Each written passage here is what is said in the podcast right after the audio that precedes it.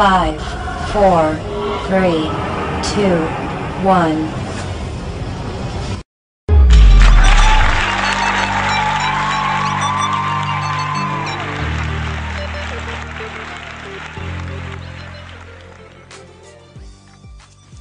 Halo, balik lagi sama kita. Ada gue Rere. Gua Darmaji di Cerita, Hari Lo. Hari ini kita mau bahas apa nih Kak Aji? Oh, kita mau bahas film nih, Kak. Oke, kita hari ini mau bahas Last Christmas. Teman-teman udah pada nonton belum?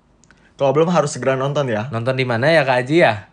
Eh, Kan di bioskop udah pada turun ya Kak Aji ya? Oh iya, gue lupa kalau kita muncul dua minggu setelah filmnya Ya. kita tonton ya. Jadi ya, kita mau review film Last Christmas ini karena kemarin kita berdua nonton terus ya cukup berkesan ya. Ya. Nanti kita ceritain di dalam podcast kita episode yang kali Tuh, ini. nggak wow tapi maksudnya ada kesannya lah. Ya. Nah, kalau dari gua sendiri sih, gua ber- eh, cerita film ini general pada umumnya lah ya. Maksudnya kayak cerita dari sudut pandang seorang eh, wanita yang dia Iya. tuh pengen jadi seorang artis kalau gua nggak salah sih. Oke, dia suka sekali sama dun- seni ya. Ya, sudah dunia tarik suara. Ya, nyanyi. Tapi sambil bekerja sebagai penjaga toko gitu kan. Mm, jadi film ini diawali memang waktu adegan pertamanya kan waktu dia kecil ya Yes. dia nyanyi choir di gereja ya Betul. dan suaranya cukup bagus dan orang tuanya bangga banget lihat dia nyanyi kan Betul. Eh, spot yang menurut gua memorable itu adalah ketika dia nge-shoot tokonya sendiri. Gua ngeliat bener-bener bahwa setiap barang-barang yang ada di dalam itu bener-bener barang-barang untuk Christmas semua. oke ya jadi si cewek ini kan penjaga toko lalu Toko mainan untuk Natal ya. khusus toko Christmas Hmm. dan di tengah waktu dia lagi jaga-jaga cerita itu kan dia ketemu sama cowok ya Yes. cowok yang ini orang Asia mukanya sih kayak kayak orang Korea gitu ya Yes. dan akhirnya dia kenalan terus mereka deket dan ternyata dari kedekatan ini Terbangun chemistry kan. ya mereka kebangun nih chemistry-nya tapi apa sih yang menarik dari hubungan mereka ini Betul. Sebenarnya film ini ada sedikit twistnya sih. Cuman Ah. ya dan don't expect twist kayak Batman-nya si Oh ya, Christopher tidak, tidak, Nolan tidak. ya. Tapi lu bakal ngedapetin banget sih bahwa ada sedikit yang berbeda nih, ada twist dikit gitu di di di film ini. ya Tapi entah kenapa pas gue nonton di pertengahan tuh gue udah nyadar nih, wah ini nih maksudnya nih. si cowok ini Antara siapa? cowok ini siapa dan kenapa dia tiba-tiba muncul di di kehidupan cewek ini. waktu lu ngomong kemarin kayak gitu kayaknya gue tahu deh nih. Gue langsung punya imajinasi tuh nggak apa gue mikir jadi ceritanya si cewek ini kan kayak Messi hidupnya kan? Ah, Jadi kayak kayak pembangkang di tengah-tengah rumah. Jadi kita nggak tahu ya tiba-tiba kenapa dia ngebangkang karena Betul. adegan awal dia nyanyi, orang tuanya bangga, terus skip langsung dia dewasa, Dewasa. dia jaga toko. betul. Kita nggak tahu nih kenapa dia tiba-tiba jadi pembangkang, dia apa dianggap anak yang nggak mau pulang-pulang ke rumah sama orang tua. Nah, gue mikir, oh si cowok ini berarti kayaknya kan ini film Christmas Ah. ya, film anak-anak juga. Pasti ini malaikat yang Tuhan kirim. Si cowoknya Ya, gue Oh. mikirnya dia malaikat untuk mengubah sikap dia. Begitu dia udah baik, udah malaikatnya pergi gitu. Gue juga sempat mikir kayak gitu loh kak. Waktu di awal-awal film gue juga mikir, sepertinya gue mikir, wah ini jangan beneran malaikat yang kirim Tuhan nih. Hmm, Rupanya ternyata bukan. beda ya, ada twistnya di situ ya. Betul. Jadi eh ternyata siapa sih cowok itu?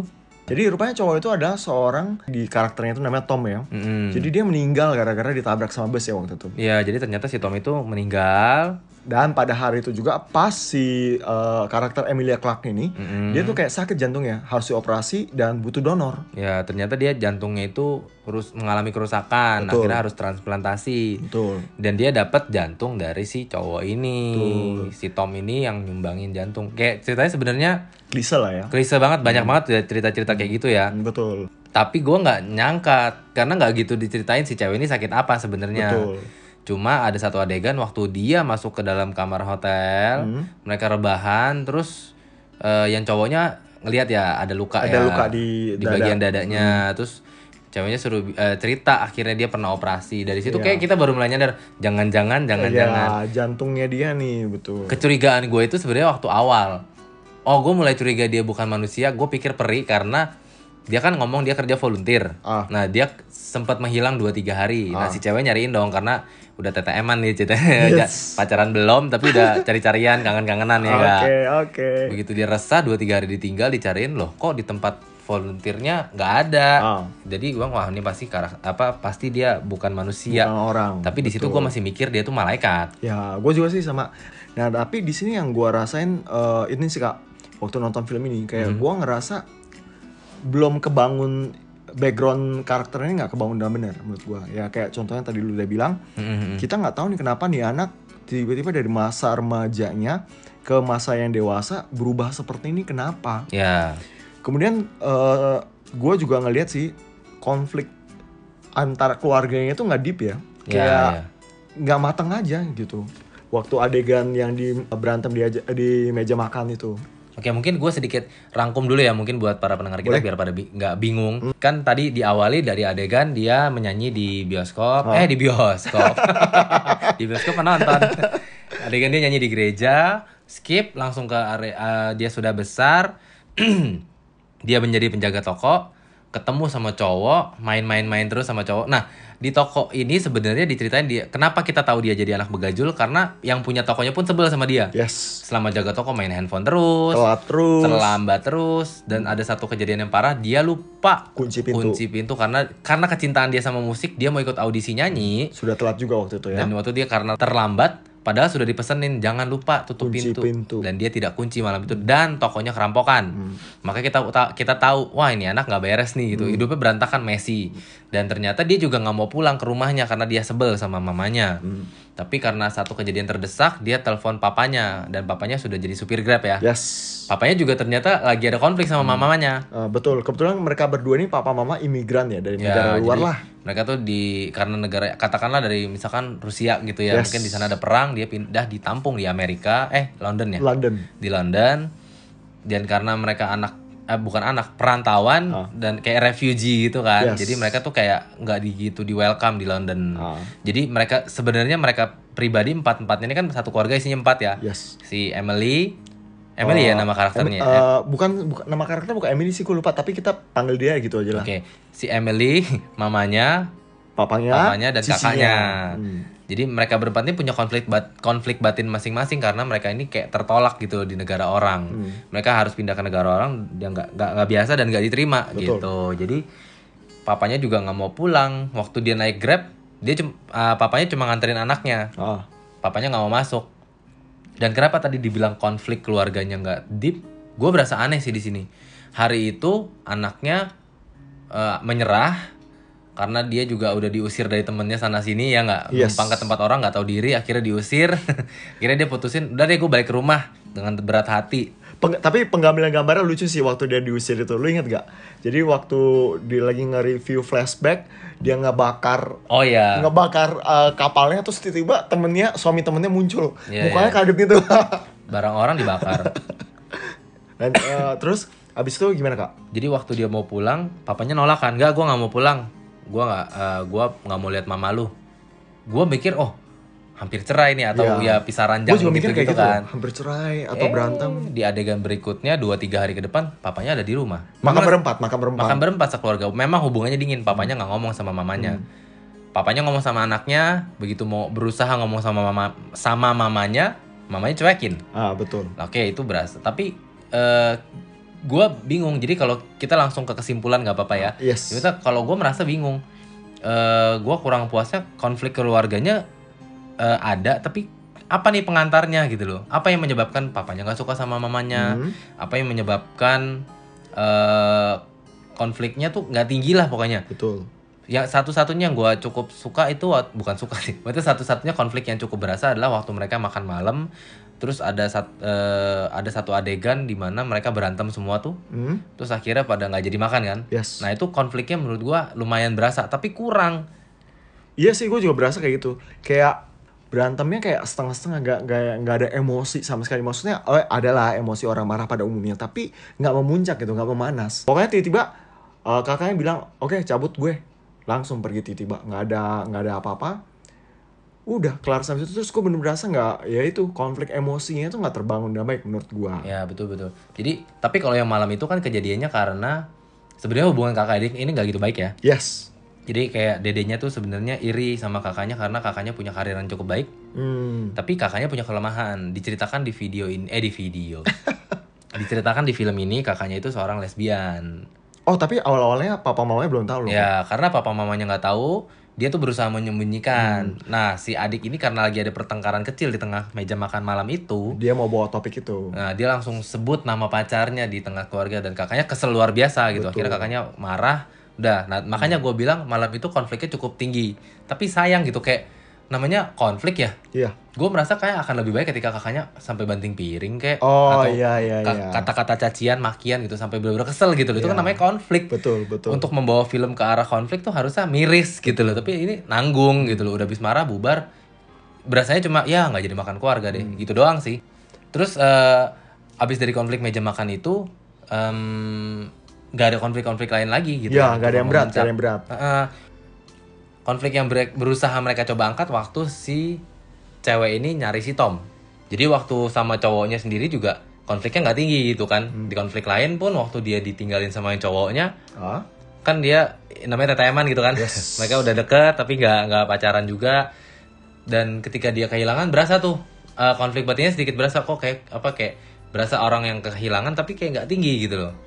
Iya sih gua tapi buat gua gua nggak berasa apa-apa loh. Gua kayak Agak flat kan? datar aja, iya. Ya jadi kayak sedihnya si cewek juga nggak keangkat gitu. Iya, gua nggak berasa apa-apa bener gue nggak kayak- merasa nggak gitu merasa kasihan sama nih cewek gue nggak merasa kesel juga sama nih cowok gitu Iya, iya, iya betul betul. Makanya gua kayak ngambang banget nonton ini ya. Hmm, mungkin karena film anak-anak kali ya tapi di dalam film Tapi anak-anak dibilang film anak-anak juga bukan sih. ada adegan kissingnya banyak Iya. Terus eh baik lagi kalau buat gua sendiri waktu adegan reveal bahwa oh si Tom ini udah bukan manusia itu buat gua juga agak aneh paling banyak. Eh, ya makanya kalau di ngomongin sampai di kesimpulan terakhir gue agak kecewanya ini nih waktu pembuktian waktu Ah. pembuktian si cowoknya ternyata bukan manusia Ah, gue kecewa sih karena di film ini kan tiga poin yang mereka tunjukin Ah. yang pertama waktu si cowoknya tuh dari awal sering banget ngomong sama ceweknya lihat ke atas ah, look up. Ya look up, lihat ke atas, di atas lo waktu pertama ketemu sih di atas ada yang bagus, ada Iya. patung apa, ada apa, terus pertama kali dia lihat ke atas diberakin burung. Gue pikir tuh apa gitu, kenapa dia harus look up, look up, look up. Hmm. Oke, terus ternyata waktu di flashback, waktu dia lihat ke atas, eh itu kan adegan aslinya waktu kita nonton kan dia lagi pacaran kan, Yes. lagi berdekatan, Ah. lagi makan, terus dia lihat ke atas cowoknya godain gitu kan. Dia duduk di kursi di bawah, cowoknya dari atas, tapi ternyata adegan sebenarnya dia ngelihat ke atas, tapi nggak di apa ya, ada tidak ada, orang. adegan yang eh, tidak ada penegasan waktu film yang bikin nunjukin kalau dia tuh sendiri. Ya betul. Yang kedua, ini lebih ini gue cukup puas kalau yang kedua. Yang kedua waktu dia mau ganti baju kan. Ah. Dia lagi pakai baju toko terus dia mau jalan-jalan, dipinjemin baju, disuruh ganti di tengah jalan, cowoknya halangin. Nah, itu gue cukup ngeh karena walaupun dia sudah dihalangin, orang tetap sweet-sweet gitu kan, Ya. piwit-piwit gitu kan. menggoda, menggoda, menggoda. Nah itu waktu di flashback lebih berasa oh iya berarti bener ya kemarin tuh dia sendiri gitu. Hmm. Tapi waktu dia lihat ke atas kayak nggak ada apa-apa gitu. Sama terakhir waktu mereka main ice skating berdua, Hmm. Namanya bahasa Inggris you kalian sama you kamu kan you gitu kan. sama. Beda sama bahasa Indonesia hey kalian gitu.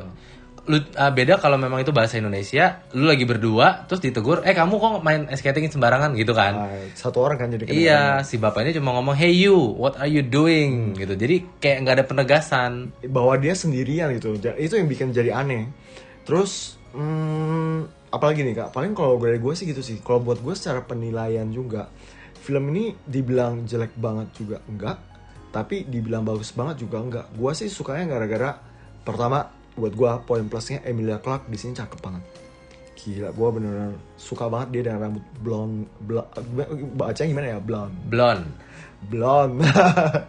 Gue suka banget dia kelihatan cantik banget di sini. Rambut blonde bukan blow on. gua bener baik gua bener lihat dia cantik banget di sini.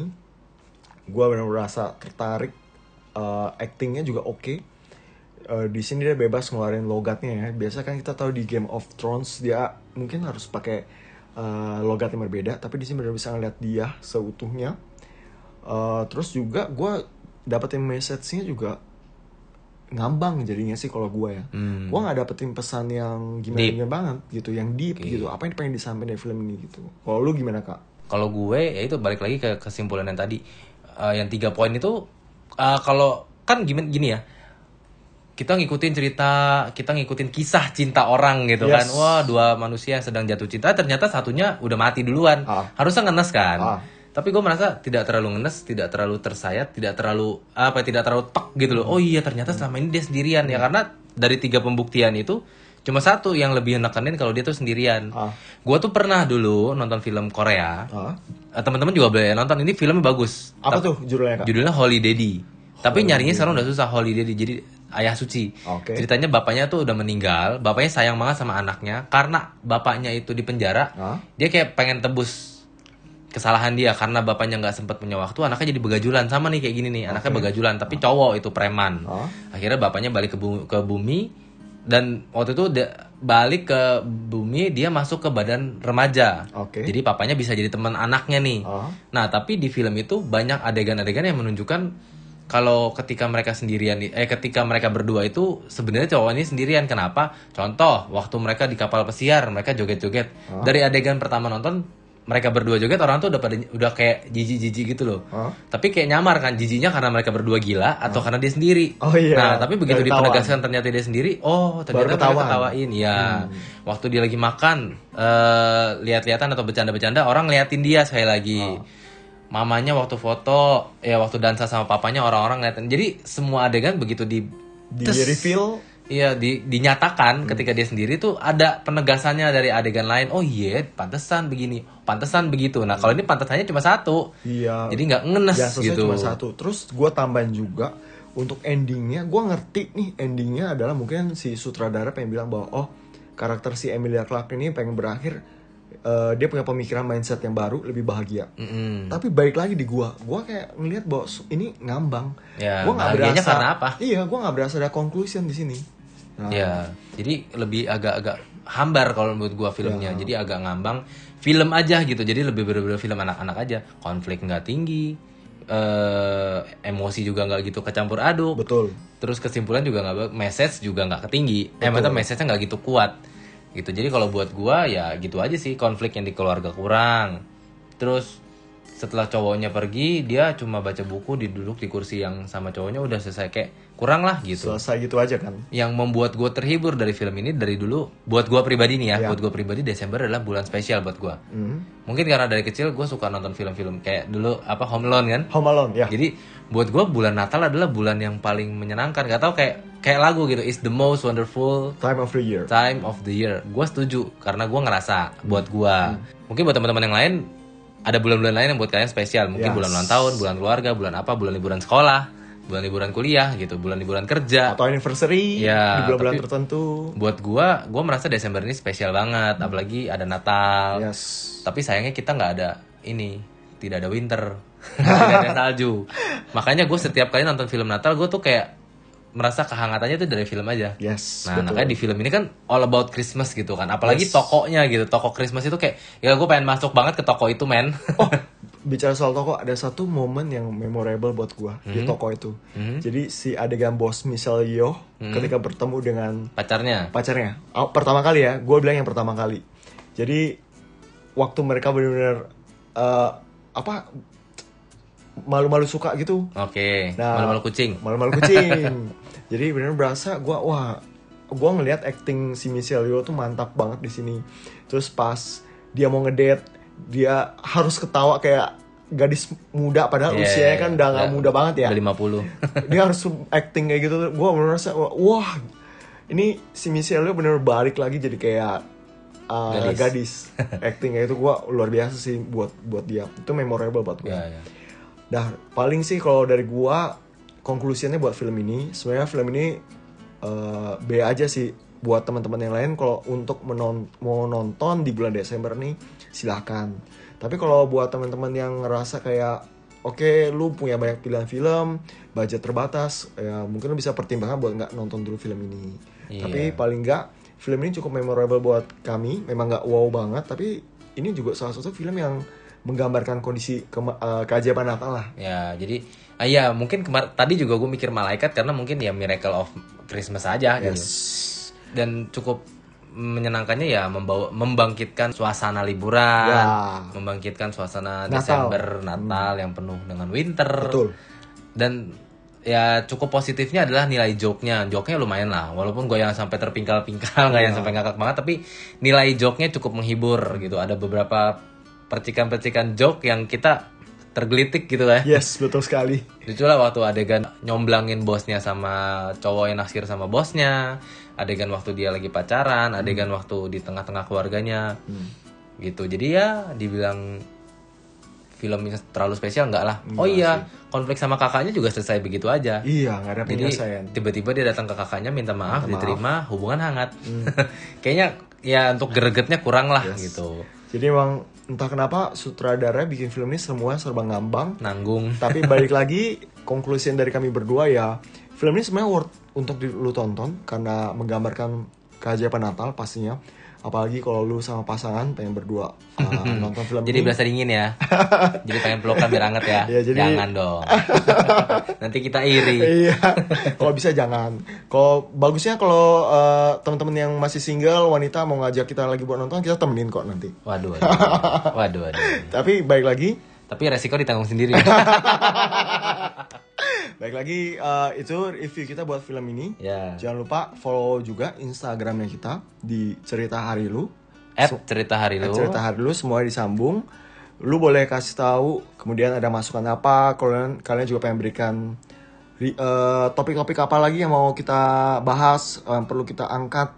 Silakan beritahukan aja. Bisa Khususnya- DM di sana. Bisa DM di sana khususnya mengenai kehidupan kita sehari-hari. Ya, topik apa sih yang lagi seru? Topik apa sih di luar sana yang lagi pada diperbincangkan? Hmm. Nyi- Nyinyiran apa sih yang netizen lagi angkat? Nyinyiran netizen terbaru ya. ya, jadi ya bisa komen, bisa DM, nanti kita baca. Ya. Mungkin kita nggak bisa penuhin semuanya, tapi kita berusaha cari yang terbaik. Oke, sampai sini aja di episode kita kali ini. Sampai jumpa di episode berikutnya. Bye-bye. Dah.